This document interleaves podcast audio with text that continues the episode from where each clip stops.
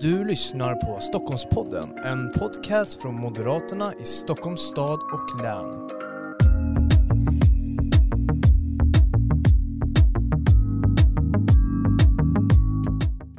Varmt välkommen till det här avsnittet av Stockholmspodden, Moderaterna i Stockholms stad och läns podcast. Idag ska vi faktiskt prata om ett eh, väldigt intressant ämne, ett aktuellt ämne. Vi ska prata om brottslighet, otrygghet och eh, med oss för att göra det har vi Magnus Lindgren, generalsekreterare från stiftelsen Tryggare Sverige och eh, du har ju lett projektgruppen som genomför Trygghetskommissionens arbete här i Region Stockholm.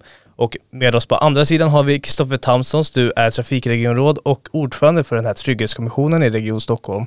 Och det är ju nämligen så här, för ungefär ett halvår sedan så spelade vi in ett avsnitt som handlar om delrapporten då, då eh, på den här rapporten Trygghet i fokus, en kartläggning av livskvalitetsbrott och otrygghet i Stockholmsregionen. Och nu har, det kommit så, eh, nu har vi kommit dit att eh, det har presenterats en slutrapport och det är den vi ska prata om idag. Och eh, innan vi gör det så måste vi ändå bana ut bakgrunden till varför man behöver en trygghetskommission och en rapport då. då. Så jag tänker att Kristoffer, om du vill ge lite bakgrund till arbetet som nu har gjorts. Och det där är ju en bra fråga för jag tror många kanske ställer sig frågan, är det ännu en kommission vi behöver? Behöver vi ännu fler rapporter om någonting som ju alla är medvetna om är någonting som är på riktigt, som rör och berör nära nog varje människa, varje verksamhet i vårt samhälle, det vill säga den växande otryggheten. Men vår utgångspunkt eh, har ju varit att delvis försöka skära den här frågan på ett annat sätt och ta oss an den på ett sätt som tidigare inte gjorts i Sverige. Eh, det finns ju mycket trygghetsarbete, ibland framgångsrikt, ibland mindre framgångsrikt. Det finns nationellt, det finns regionalt, det finns lokalt, det finns i näringsliv, i civilsamhälle, i forskarvärlden. Eh, det finns inom polis och eh, inom olika verksamheter runt om i vårt samhälle. Men det vi kunde dra som slutsats, det var väl några saker innan vi drog igång det här arbetet. Det var att väldigt sällan så möts egentligen och samlas det allt detta arbete ihop och på ett tydligt sätt mäts, värderas och utvärderas i både hur det funkar bra men också hur det funkar dåligt. På samma sätt kunde vi också konstatera att den regionala synen på trygghetsarbetet var väldigt mycket kopplat till regionala liksom kärnverksamheter som sjukvård och trafik men kanske inte fanns där som ett stöd för att på olika sätt stötta aktörer i att både förstå hur otryggheten ser ut i en regional kontext men också hur den rör sig, hur den utvecklas i en regional kontext. Så några av de där frågorna, det var väl bakgrunden till att vi kände att ett, ja, otrygghetsfrågan är på riktigt. Tillräckligt många människor, verksamheter, aktörer signalerar detta. Två, de svar vi har försökt ge kring trygghetsfrågan hittills de må inte vara fel men de är otillräckliga därför att de fångar inte upp att vi har en otrygghet och med detta också såklart då en brottslighet och annat som rör sig på ett annat sätt än tidigare, som uppträder på ett annat sätt än tidigare. Och för det sista då, eh, dessutom finns en storstadsregional aspekt i detta. Alltså Region Stockholm, alltså Stockholmsregionen är ju Sveriges i egentlig mening enda storstadsregion och har ju därmed också alla de möjligheter men också de utmaningar som storstadsregioner för med sig. I att vara en region som ju lever och verkar dygnets alla 24 timmar. Eh, att vara en region som ju dra till sig väldigt många människor som är här för att bygga sig en bättre framtid. Men med också detta såklart element som ju inte mår bra. Som är här för att eh, göra skada eller som är här helt enkelt därför att de vill dra vinning av andra människor eh, genom att eh, ägna sig åt hot eller våldsaktiviteter. Och vi vet också att med storstaden så finns ju också många av de här utmaningarna, problemen mycket mer närvarande än vad som vi kanske annars tror när det gäller eh, skadegörelse, när det gäller klotter, när det gäller eh, förslumning av offentliga miljöer, när det gäller utsatthet och mycket annat. Så allt detta samlade in oss i slutsatsen att vi behöver ta oss an de här frågorna på ett sätt som vi inte gjort tidigare i Sverige. Och då startade vi någonting unikt i en särskild eh, trygghetskommission inom ramarna för Region Stockholms arbete. Vi gjorde det eh, genom att tillsätta en politisk styrgrupp där jag är ordförande men framförallt gjorde vi det genom att vi tillsatte en oberoende utredare och sa till honom och det var, för det var en han och det var Magnus, eh, att eh, kan du inte utifrån all den erfarenhet som du har utifrån ditt arbete och din verksamhet tidigare inom det här området knyta till dig några av de bästa hjärnorna, de, några av de bästa tänkarna, några av de bästa aktörerna Eh, och ställa dig frågan, hur ser det egentligen ut med otryggheten i Stockholmsregionen? Varför ser den ut som den gör? Hur uppträder den? Hur rör den sig? Och också då i ett andra steg som är denna då slutrapport. Vad kan vi göra åt den? Inte var och en av oss utan vi tillsammans om vi ser till att liksom lägga gamla gränser och administrativa liksom, eh, hänsyn åt sidan. Lite grann det är väl bakgrunden till det hela. Men grunden till det hela är att vi vet att den här frågan är på riktigt. Pandemi eller ej, otrygghetsfrågan har vuxit sig så stark i samhället. Medvetandet om den är så kraftfull i hur människor lever sina liv idag. Att vi kan inte gå runt den längre. Vi måste gå rakt på den och vi måste försöka göra någonting åt den. Mm. Och Magnus, jag tänker att eh, du har ju lett eh, projektgruppen och genomfört det här arbetet då. då. Och eh, tidigare i delrapporten pratade vi om den här hotspot-kartan, vi pratade om vad livskvalitetsbrott är och så vidare. Skiljer sig delrapporten någonting från slutrapporten, era fokusområden? Nej, fokuset eh, på bägge rapporterna är ju på den typ av brott och ordningsstörningar som framförallt påverkar livskvaliteten i vardagen eh, för både de som bor i Stockholmsregionen och de som verkar här och vistas i regionen. Och den typ av brott och ordningsstörningar som alltid hamnar i topp när man frågar så att säga vanligt folk eller näringsidkare det är ju eh, allt från skadegörelse och klotter till, till tjuvåkning i tunnelbanan, till eh, killgäng som tar över det offentliga rummet, till moppar och bilar som snur, kör snabbt i bostadsområden. Alltså den typ av brott vi inte alltid pratar om och kanske ännu mer sällan jobbar mot. Mm. Eh, så att fokus är tydligt på livskvalitetsbrotten för att utgångspunkten och vår tanke det är ju att dels är mycket av samhällets övriga fokus på, tenderar ju att vara på den grövsta brottsligheten. Vilket är bra och vilket är naturligt förstås att fokusera på, på terrorhotet och gängkriminaliteten etc.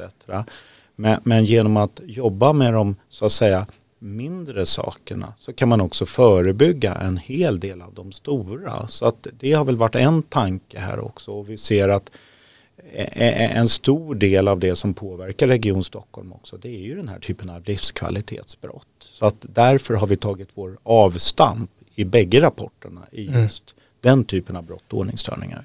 Mm.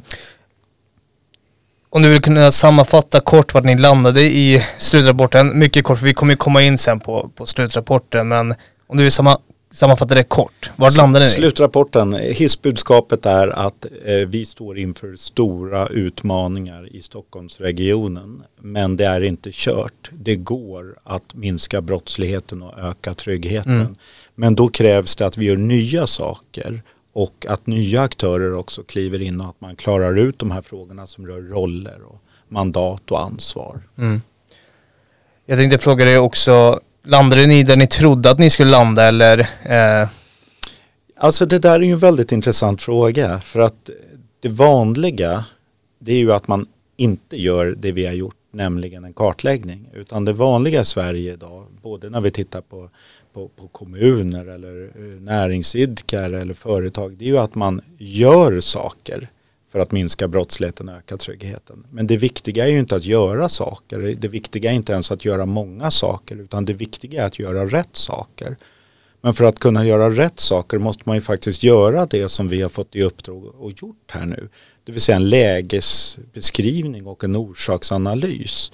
Då först kan man ju faktiskt göra inte bara många saker utan också rätt saker. Och det menar vi att vi har förutsättningar att göra med den grund vi nu har här. Mm. Och eh, innan vi går in på nulägesanalysen så vill jag ju fråga dig Kristoffer, den här ständiga frågan om, om det verkligen är ett regionalt ansvar att eh, jobba med brottsligheten och tryggheten, för det borde ju ligga egentligen på staten som har eh, ansvar över polis och så vidare. Ja, i de bästa världar så skulle det ju vara precis så att vi skulle ha en, en stat, en rättsstat som ju flyttar fram positionerna eh, och markerar sin närvaro med en polis, med, med ett rättsväsende och med andra insatser som vi ju vet behövs. Men vi är ju inte där idag eh, och därmed så blir ju kampen mot otryggheten allas ansvar. Eh, och då får det inte landa i att det blir ingens ansvar utan då tror jag att ju fler aktörer som orkar, vågar och vill ta ett kliv framåt utifrån sina geografiska ansvarsområden inom sina verksamhetsområden desto bättre. Och det vi vet att vi saknar i Sverige idag är ju mycket det regionala perspektivet kring trygghetsarbetet. Inte minst i en storstadsregional kontext som i Stockholm där vi vet att människor ju kan leva och bo och verka i olika delar av detta vidsträckta län. Där vi har tunnelbanenät och pendeltågsnät som sträcker sig över de flesta kommuner och eh, busslinjer som sträcker sig över alla och där vi vet hur människors rörlighet och människors rörlighet dygnets alla 24 timmar i en storstadsregion som Stockholm borde få med sig det positiva men också det negativa. Och då måste vi se och läsa både människors möjligheter i en regional kontext men också de olika utmaningar som ju kommer av denna stora rörlighet som kommer av en storstadsregion som har både liksom förmågan och möjligheterna men också utsattheten som har liksom brottsligheten och otryggheten där. Därför att gängen rör sig inte eh, på ett sådant sätt som innebär att de stannar vid kvartersgränsen eller vid stadsdelsgränsen eller för den delen vid kommungränsen. De rör sig dit och där de får fritt, fritt spelrum eh, att spela ut sitt eh, sina mörka idéer eh, och sina mörka ändamål. Eh, och då måste vi också från samhällets sida, från olika aktörer i samhället, se och förstå detta och försöka agera gemensamt på ett sådant sätt. Och det är väl det som jag tror, jag menar att då blir ju trygghetsfrågan ju också regional. Inte bara mm. regional. Den är i allra högsta grad lokal, den är i allra högsta grad nationell, men den är också regional. Mm. Och jag tänker vi ska komma in på åtgärden alldeles strax, men innan det så vill jag ju be dig Magnus kanske om en, en nulägesbild hur det ser ut i, i Stockholmsregionen när det kommer till brottslighet och otryggheten. Men jag tänker först och främst är det intressant det Kristoffer säger här för att vi ska ju minnas att fram till 2006 så pratar vi faktiskt i vårt land endast och bara om vad polisen skulle göra för att göra det här vi alla vill, minska brottsligheten och öka tryggheten. Och från 2006 fram till 2018 så har vi pratat polis och kommun. Men nu, de senaste åren så har vi ju pratat om näringslivets viktiga roll och civilsamhället. Men för första gången i och med det här uppdraget har man också börjat titta då på regionernas roll. Och det är ju en aktör vi överhuvudtaget inte har pratat om tidigare. Och det för ju lite över då till, till rapportens huvudresultat. För vi vet ju att eh, eh jag menar, Stockholm är en unik storstadsregion i, en svensk kontext som Kristoffer är inne på. Vi har 26 kommuner med 2,4 miljoner invånare, mycket näringsidkare etc. Mm. Eh, och, och, och, och, under de senaste åren har vi kunnat konstatera då att brottsligheten faktiskt utmanar den här expansiva utvecklingen som vi är inne i. Och eh, enligt polisens senaste bedömningar så har vi ju i, bara i vår region, i våra 26 kommuner, 27 eh, utsatta områden. Eh, av de här 61 då, eh, utsatta områdena på polisens lista är alltså 27 då lokaliserade i, i vårt Eh, i Stockholmsregionen. Vi har 52 verksamma gäng i, i regionen som uppskattningsvis består av mellan 5 och 10 000 mycket grovt kriminella individer. Och vi ser ju att brottsligheten, både den grövre brottsligheten men också livskvalitetsbrotten påverkar förutsättningarna för de som bor och vistas och verkar i regi regionen. Så att eh, um, för att ge en lägesbild då skulle jag säga att situationen är allvarlig. För att brottsligheten kommer så att säga närmare oss alla och har kommit närmare oss alla. Och det gäller både den grövre brottsligheten men också många av de så kallade livskvalitetsbrotten. Och därför är det ju intressant att se då också på vad har en sån stor aktör som Region Stockholm med sina 45 000 anställda, 118 miljarder i budget för för roll i det här sammanhanget? Det är ju en fråga som ingen någonsin egentligen har tittat på förrän vi, vi har fått upp det uppdraget och gjort det då. Jag och mina kollegor på Region Stockholm, Ingela Ernholm och Magnus Christiansson. Mm. Jag tänker att vi ska komma in på vilken roll Region Stockholm har alldeles strax för det är kopplat också till åtgärderna men bara först hur regionens främsta ansvarsområden eller huvudområden påverkas av otryggheten och, och brottsligheten. Jag menar vi har hälso och sjukvård, vi har regional utveckling och kollektivtrafiken som är otroligt viktiga för vår huvudstadsregion. Kristoffer, hur påverkas de här tre områdena? Vi kan ju börja med hälso och sjukvården då, av den här ökade otryggheten och brottsligheten. Nej, men det handlar ju såklart om de direkta insatserna som behöver göras. Att här behövs det ordningsvakter och väktare på ett sätt som tidigare inte har behövts. Här behöver man jobba med larm och med olika typer av skalskydd och säkerhets och trygghetsarrangemang eh, både för verksamheterna men också för verksamhetens medarbetare på ett sätt som historiskt sett inte behöver varit, vara, vara fallet. Men när det gäller sjukvården så kan vi också se hur ambulanser ju många gånger kanske inte kan göra utryckningar utan eh, poliseskort, eh, inte utan risk för eget liv eh, och egen säkerhet kan ta sig in i vissa eh, stadsdelar, bostadsområden vissa tider på dygnet utan att riskera liksom eh, Eh, riskerar sin trygghet. Eh, vi vet och vi ser ju hur gängen efter deras uppgörelse söker upp eh, våra sjukhus akutmottagningar eh, med med sina eh, skottskadade gängmedlemmar på olika sätt och vis. Oftast då med, med resten av gänget som svans och där beter sig och agerar och hur det borde ta resurser. Men såklart också skapar en oro på sjukhusen eh, om sådana där saker händer. Eh, så det på olika sätt och vis så kan vi ju se att sjukvården ju eh, blir en del i frontlinjen när det gäller att känna av och möta den här växande otryggheten. Eh, och sen om vi tar kollektivtrafiken så är det ju kanske det som jag oftast och mest har pratat om. Det är ju, det är ju den, första liksom, den första linjen som möter hur samhället mår i en storstadsregion.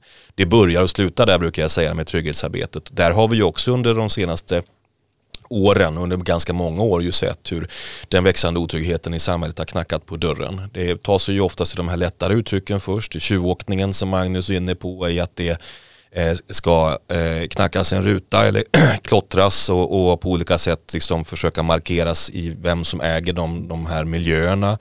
Men steget därifrån är ju inte särskilt långt till att vi ser liksom droghandel i eller anslutning till kollektivtrafiken eller gäng som söker sig dit för att på olika sätt liksom markera revir och ta över.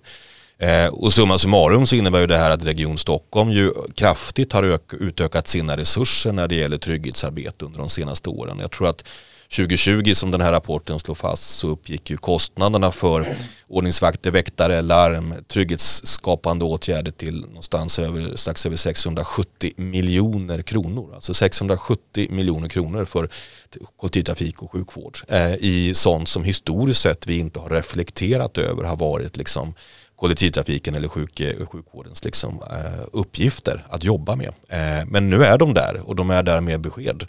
Och vi ser ju framför oss hur vi ytterligare ska utöka de här insatserna under kommande år. Jag har ju presenterat en satsning som innebär att vi ska utöka våra ordningsvakter i kollektivtrafiken kommande år med ytterligare 25 procent från dagens runt 400 till 500 och hur vi förmodligen under de kommande ett, två åren kommer se hur våra trygghetsresurser i eller i anslutning till bara kollektivtrafiken i Stockholms län kommer överstiga 1000 eh, resurser. Alltså 1000 individer som jobbar med trygghet. Mm ordningsvakter de flesta av dem men också då eh, väktare och trygghetsvärdar och, och, andra aktörer. Inte ska jag säga som ett komplement till en närvarande polis, ett närvarande rättsväsen utan i allt högre utsträckning som ett alternativ till ett rättsväsende som vi upplever har dragit sig tillbaka. Mm. Hur skulle du säga att eh, brottsligheten, otryggheten påverkar den regionala utvecklingen? För vi har ju målet här att vi ska bli Europas mest attraktiva storstadsregion. Ja det är klart att med, med otryggheten så följer ju att människor drar sig för det som ju är dynamiken i en storstadsregion. Resorna, rörligheten, mötena, tilliten människor emellan. Och om människor drar sig för vilka tider på dygnet man är ute och reser, vilka människor man vågar prata med och möta, var man vågar öppna butik, var, man, var man vågar ta ett jobb någonstans, var man vågar sätta sina ungar i skolan. Ja, om den där utvecklingen slår rot i ett samhälle, om vi inte vågar åka med kollektivtrafiken för att vi känner oss otrygga där, ja då stelnar ju en storstadsregion. Då blir ju alla storstadsregionens fördelar plötsligt bara nackdelar. Därför att de enda som kommer ta tillvara på dynamiken och fördelarna det är buset, det är gängen, det är brottsligheten och förmodligen en allt mer organiserad och allt grövre brottslighet. Och därför är det ju så oerhört viktigt att ta tillbaka detta. Därför att om vi inte klarar otrygghetsutmaningen, ja då dör ju en storstadsregion som vi vill se den eh, och som vi vill liksom att den, den ska vara och växa och utvecklas. Ja, jag tänker också ett komplement till det Kristoffer säger och som svar på din fråga det är ju att hur påverkar då brottsligheten och otryggheten Region Stockholm och regionens verksamhet? Ett svar får vi ju när vi tittar på den eh, regionala hotspotskarta som vi tog fram inom ramen för delrapporten. Eh, och när vi tittar då på den hotspotskartan där vi har plottat in var de polisanmälda brotten sker men också vad människor eh, är otrygga utifrån Polisregion Stockholms trygghetsundersökning plus var eh, ordningsstörningarna inträffar eh, i kollektivtrafiken så kan vi ju konstatera att en stor del av den brottslighet som sker och den otrygghet som finns eh, är fokuserad till sådana verksamheter som Region Stockholm har, det vill säga kollektivtrafiknoder och hälso och sjukvårdsnoder. Och det innebär ju för det första att Region Stockholm eh, drabbas av brottsligheten och otryggheten. Men det innebär ju också att Region Stockholm faktiskt har unika möjligheter att vara med och förebygga och förhindra den här typen av brott och otrygghet eftersom vi kan konstatera att vi har då ett antal hotspots mm. som många gånger är lokaliserade till, till just kollektivtrafiknoder och hälso och sjukvårdsnoder. Mm. Tänker på den här nuvarande förmågan som Region Stockholm har att eh, öka tryggheten och eh, trycka tillbaka brottsligheten. Eh, hur bra är den? Ja, som en del i slutrapporten rapporten har vi gjort en förmågeanalys där vi har gjort ett stort antal nyckelpersonsintervjuer internt och inom Region Stockholm för att klara ut i vilken utsträckning man upplever att man har den lagstiftning som behövs för att göra det man ska. I vilken utsträckning man bedömer att man har kunskap och kompetens och en kultur som säger att de här frågorna är viktiga. Men också andra aspekter av det här med förmåga, nämligen då system och processer och, och, och eh, eh ledarskap. Och eh, det som eh, vi kan konstatera bedöms som högst i den här förmågan det är att man i allt väsentligt bedömer att man har den lagstiftning som krävs för att göra det man ska. Men det som hamnar sämst när experterna själva då, det vill säga våra personer som jobbar inom Region Stockholm beskriver den förmåga som finns så pekar man bland annat på en bristande intern samverkan inom Region Stockholm när det gäller frågor om säkerhet och trygghet kopplat till brott och ordningsstörningar. Man pekar även på att det saknas system och processer för att kunna göra ett bra arbete och även till viss del då kunskap. Så att eh, det, det, där ser vi några delar eh, som saknas för att man ska kunna ha den samlade förmågan som krävs för att göra det man ska. Mm. Kristoffer, mm. skulle du vilja fylla på kring det där med den nuvarande förmågan i Region Stockholm? Nej men jag tror ju att Magnus är någonting på spåret här därför att det är klart att som vi var inne på tidigare det har inte tagits ett samlat regionalt grepp eh, kring eh, trygghetsfrågan någonstans i Sverige tidigare. Eh, och har det gjorts regionalt så har det mycket varit kopplat kanske till enskilda verksamheter som ju väldigt tydligt har själva valt att börja agera inom de här frågorna. I, I Stockholm så kanske kollektivtrafiken, alltså SL är det tydligaste exemplet som ju under väldigt lång tid och med stor framgång tycker jag har jobbat med trygghetsfrågorna. Och sen så har de väl knackat på sjukvårdens dörr något senare och så har man även där börjat agera. Men eh, precis som Magnus är inne på, den här kanske samlade bilden, både i, i fråga om de egna verksamheterna men också hur de an, egna verksamheterna samspelar med andra verksamheter, med andra delar av samhället och måste knytas till dem, eh, både i samverkan men också i eh, att få största möjliga liksom, utdelning på sina insatser. Den kanske inte finns där.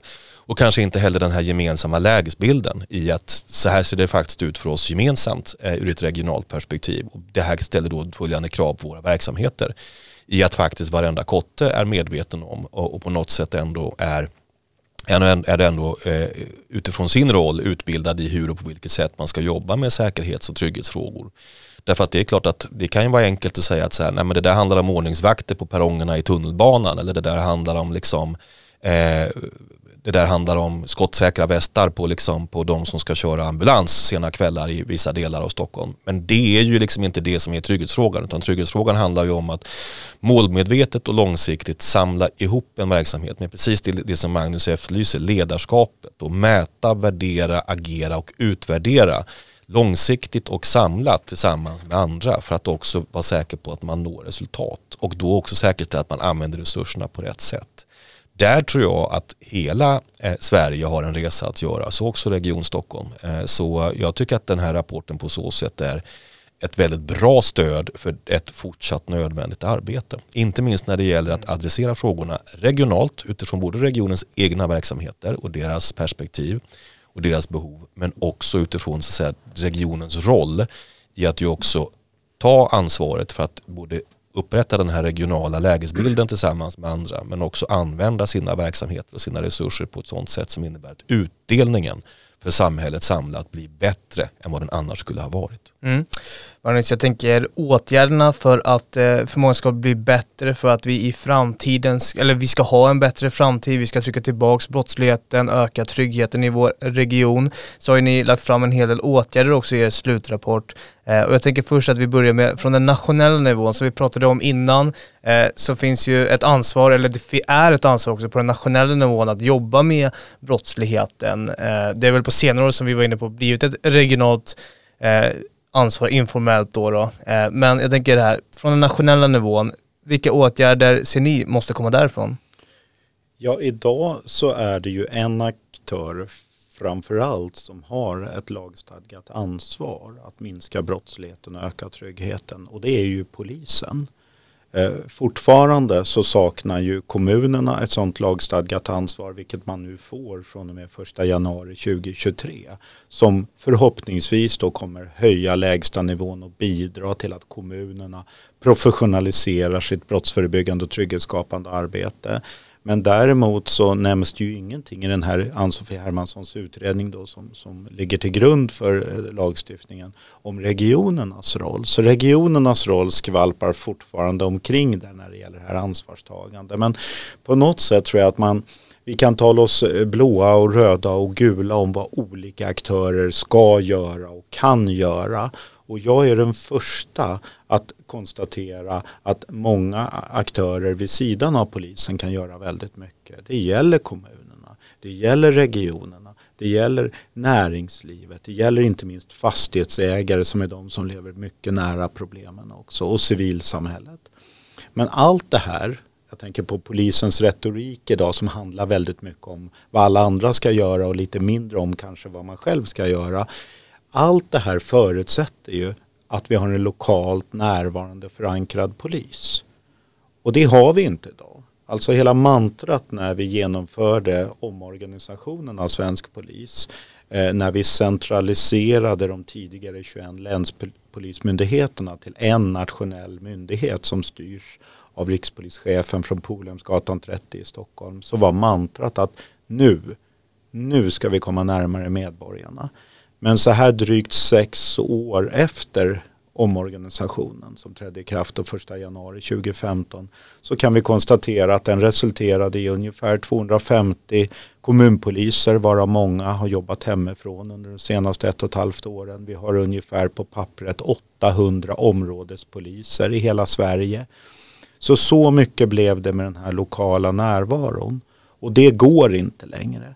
Så att en absolut förutsättning för att Region Stockholm exempelvis ska kunna ta sitt ansvar eh, det är att vi har en lokalt närvarande förankrad polis. Och från stiftelsen Tryggare Sverige så sätter vi nu idag ner foten och säger så här, vi måste ha en kommunal polis vid sidan av den statliga polisen. Vi måste ha en kommunal polis som adresserar och bryr sig om de problem som våra kommuner har och regioner. Och det handlar ju förstås då om kollektivtrafiken där vi inte är, är, har några dedikerade poliser med särskilt ansvar för kollektivtrafiken. Och det, och det är det närmaste absurt vi har en stor eh, sjukhus, jag menar eh, Karolinska sjukhuset med tusentals medarbetare utan en särskild polis etc. Så vi måste ha en kommunal polis som bryr sig om och tar hand om den här typen av brott som den statliga polisen kanske inte alltid har eh, visat så stort intresse för. Allt som handlar om brott brott och ordningsstörningar i det offentliga rummet, på våra bibliotek, i våra simhallar, i våra skolor, i kollektivtrafiken, på våra sjukhus. Så det är liksom en förutsättning på nationell nivå.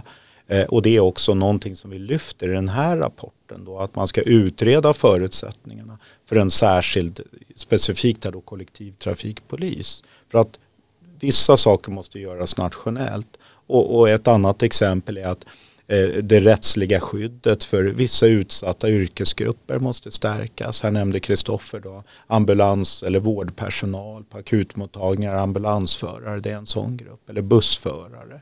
Så att, så att det där är några saker, en absolut förutsättning då för att regionen sen ska kunna kliva framåt ta sitt. Och kan man säga på regional nivå, våra 26 kommuner i regionen, vi har polisregionen, vi har Storstockholm, vi har mycket näringsliv. Där ser vi också att det är ett antal saker som kan göras. Även om huvudförslagen i den här rapporten tar ju av naturliga skäl sikte på vad Region Stockholm själv kan göra för att kliva fram. Men vi ser alltså ett antal åtgärder som kan göras och behöver göras och måste göras på, på övergripande regional nivå. Och det handlar till exempel att stärka upp det här regionala samarbetet kring trygghetsfrågor och, och genomföra en regional trygghetsundersökning för att Idag så gör många av våra 26 kommuner i, i regionen sina egna undersökningar. Som, det går inte att jämföra hur brottsligheten och otryggheten ser ut i våra 26 kommuner för att man har olika modeller för att kartlägga det där. Och, och, och, en annan viktig sak som vi ser att vi kan jobba ihop med det är det här som kallas för platssamverkan.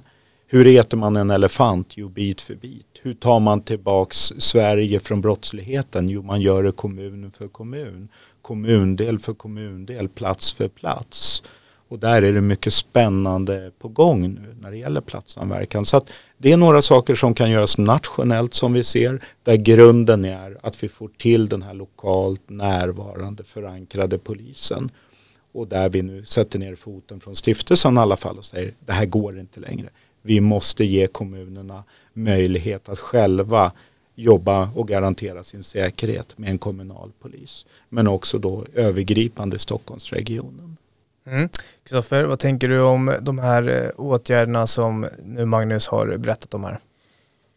Först är det ju, det är ju en, en, det är en stor, tycker jag, en, en fantastiskt stor ju beskrivning av, av liksom verkligheten och problemen och utmaningarna. Vi, du beskrev det som att vi har i runda slängar 250 lokalpoliser som liksom är verksamma eh, av totalt kanske 800. Det innebär alltså att i hela Sverige så har vi färre dedikerade lokalpoliser än vad vi har dedikerade ordningsvakter i Stockholms kollektivtrafik. Eh, och det där säger väl någonting om hur proportionerna har blivit snedvridna i, i i samhället. Eh, och jag tror Magnus är någonting på spåren där i att vi behöver en polis, alltså det kommer att börja och sluta där. Vi kommer behöva en polis som har helt andra resurser än idag och också ett helt annat krav på sig än idag att vara lokalt förankrad med möjligheten att också bli eh, loka lokalt ansvarsutkrävd. Jag tror att mycket börjar och slutar där. Tittar man på internationella exempel ser ju liksom det är nyckeln till det hela. Eh, därför att då eh, tvingas polisen att också dedikera resurser till det som är närmast medborgarna i det som skapar oro och det som skapar otrygghet och det som vi också vet är inkörsporten till den grövre brottsligheten.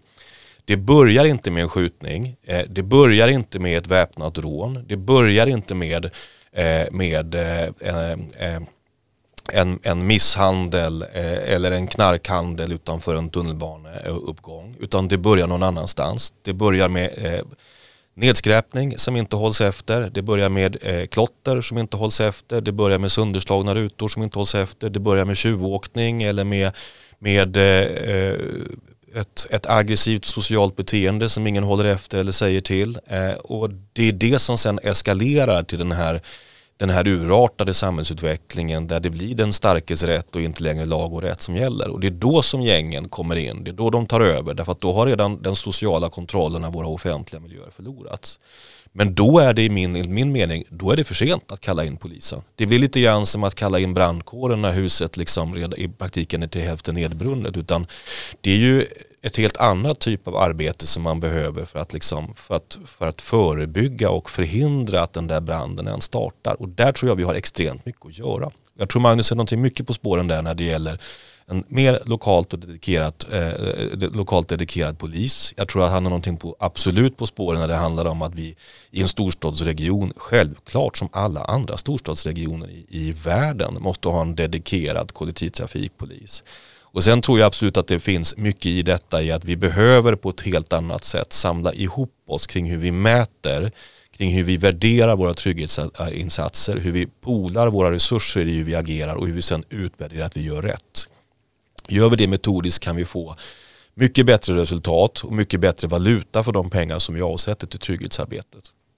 Och då finns det väl oerhört mycket intressanta exempel till detta och då skulle jag vilja säga att det finns väl en kedja i de här åtgärderna som Magnus beskriver. I allting ifrån den här liksom att, att på allvar pröva och få till stånd liksom en, en, en, en, en väl beprövad platssamverkan, alltså att samla det lokala samhället eh, kring, kring konkreta platser där vi vet att det finns mycket att göra när det gäller eh, trygghetsarbetet till eh, hur och på vilket sätt vi kan liksom se till att mäta på samma sätt och ha samma typer av insatser när det gäller hur vi bekämpar klotter eller skadegörelse i hela länet till också såklart hur vi på olika sätt ser på hur vi använder ordningsvakter, var vi använder dem. Men också såklart till det regionala perspektivet i hur och på vilket sätt kan vi där öka kunskapen och medvetandegöra en regional organisation kring eh, att vara den här samlande kraften och använda sina verksamheter på ett mer offensivt sätt när det gäller att, att mota otryggheten i grinden vad man kanske historiskt sett har gjort. Så jag tycker att det finns det finns liksom inte en åtgärd jag skulle vilja plocka ut här, även om det såklart vore enkelt för mig att säga mm. att äntligen eh, så, så får vi liksom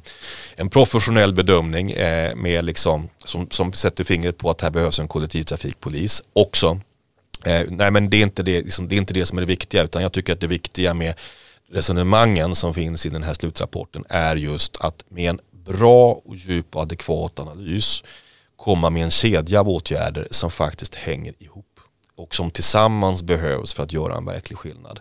Och jag skulle säga frågan till mig och frågan till liksom det, det politiska Sverige, både nationellt och regionalt men inte minst också eh, lokalt här i Stockholmsregionen, det blir ju vad kan vi nu tillsammans göra av en sån här god rapport då. Eh, så att inte det här blir en hyllvärmare utan vad kan vi göra konkret för att liksom nu börja pröva, börja arbeta med det som pekas ut här vara utmaningarna men också möjligheterna.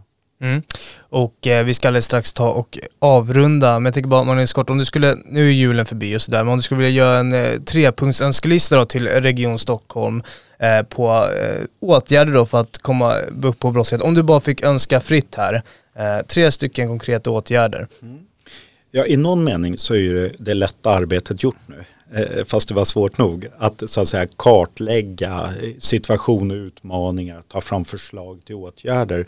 Det är ju nu det riktiga och viktiga arbetet börjar med att försöka implementera det här på nationell nivå i Stockholmsregionen men också de här olika exemplen som vi då lyfter som Region Stockholm själva behöver göra.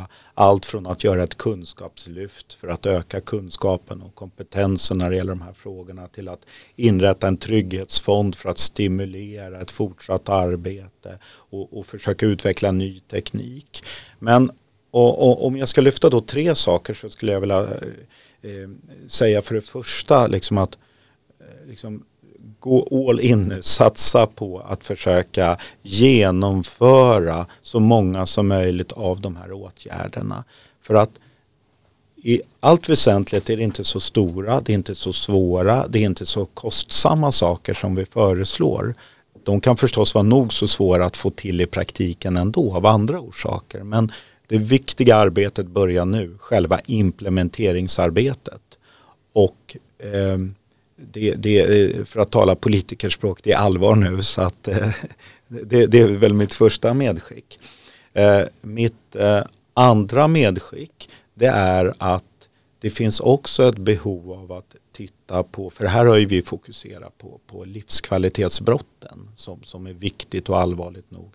Men för det andra då skulle jag vilja skicka med så finns det också ett behov av att titta på det här förebyggande arbetet när det gäller våld och hot mot medarbetare. För det är någonting som vi har identifierat som ett stort problem inom Region Stockholm. Men även Eh, de kriminella hoten i form av välfärdsbrottslighet och korruption riktad mot Region Stockholm. Och mitt tredje medskick det är att ge hopp. Det, det är budskapet att det går att skapa en förändring. Det går att minska brottsligheten och öka tryggheten. Och Region Stockholm har enorma möjligheter att för det första förbättra sitt eget arbete men också vara med som en helt ny stark eh, aktör i det samlade arbetet i, i, i, Sverige och i det här fallet då i Stockholmsregionen för att medverka till att minska brottsligheten och öka tryggheten. Så det är mina tre medskick och mina önskningar här till Kristoffer. Mm. Tack för de tre önskningarna. Eh, jag tänker bara Kristoffer att du ska få avrunda nu, kanske kommentera de här tre önskningarna kort, eh, eller en av dem, och sen också berätta kort eh, hur du ska gå vidare nu med den här slutrapporten som nu är färdigskriven. Nej men det finns mycket att göra. Och det är väl det som den här rapporten ju ändå liksom på något sätt kvitterar. Och det är väl bra därför att eh, det sämsta som finns det var väl om man skulle dra en slutsats av att här har vi en upplevd stor otrygghet, en faktiskt stor och växande otrygghet i det svenska samhället i Stockholmsregionen. Men vi kan inte göra någonting åt den. Det som är bra med den här rapporten är att den pekar ut att här har vi problem, det är på riktigt, vi behöver adressera de här problemen nu, vi borde gjort det igår. Men den positiva bemärkelsen, eh, eller det som positivt lyfts upp så här är ju att här finns ju en mängd olika åtgärder som vi kan lyfta tillsammans för att göra någonting åt detta. På nationell nivå, på regional nivå, på lokal nivå. På den regionala nivån så tar jag med mig att vi kommer att fortsätta att arbeta med de här punkterna som lyfts upp här. Både med vår egen verksamhet men också i att försöka samla fler till en gemensam lägesbild, fler till gemensamma aktiviteter eh, framåt.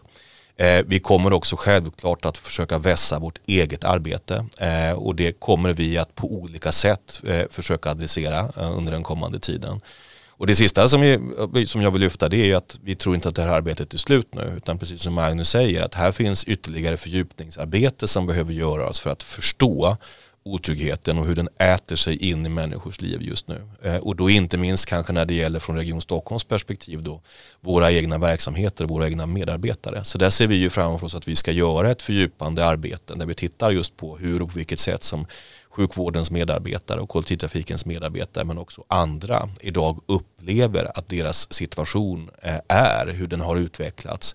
Men också även där hitta vägar framåt i hur vi, vi med kunskapshöjande insatser eller med rättriktade resurser eller för den delen också krav på lagförändringar och annat kan se till att vi ju får en, en bättre ordning på det arbetet. Det finns ett jobb att göra här. Eh, jag är en som tycker om att jobba så jag tycker att det är positivt. Eh, så jag tycker väl bara att det här är någonting som oerhört mycket spårar mig inför att fortsätta jobba med trygghetsfrågorna och göra det på det sätt som eh, jag vill göra. På ett sätt som innebär att här ska man vända på alla stenar. Här ska man inte vara rädd för problem utan problem ska man ta och lyfta upp i ljuset och ta tag i. Och det tycker jag den här rapporten spårar mig och förhoppningsvis också andra att göra framöver. Mm. Stort tack Stoffe Tamsons och Magnus Lindgren för att ni kom till Stockholmspodden. Tack så mycket. Och tack till dig som har lyssnat.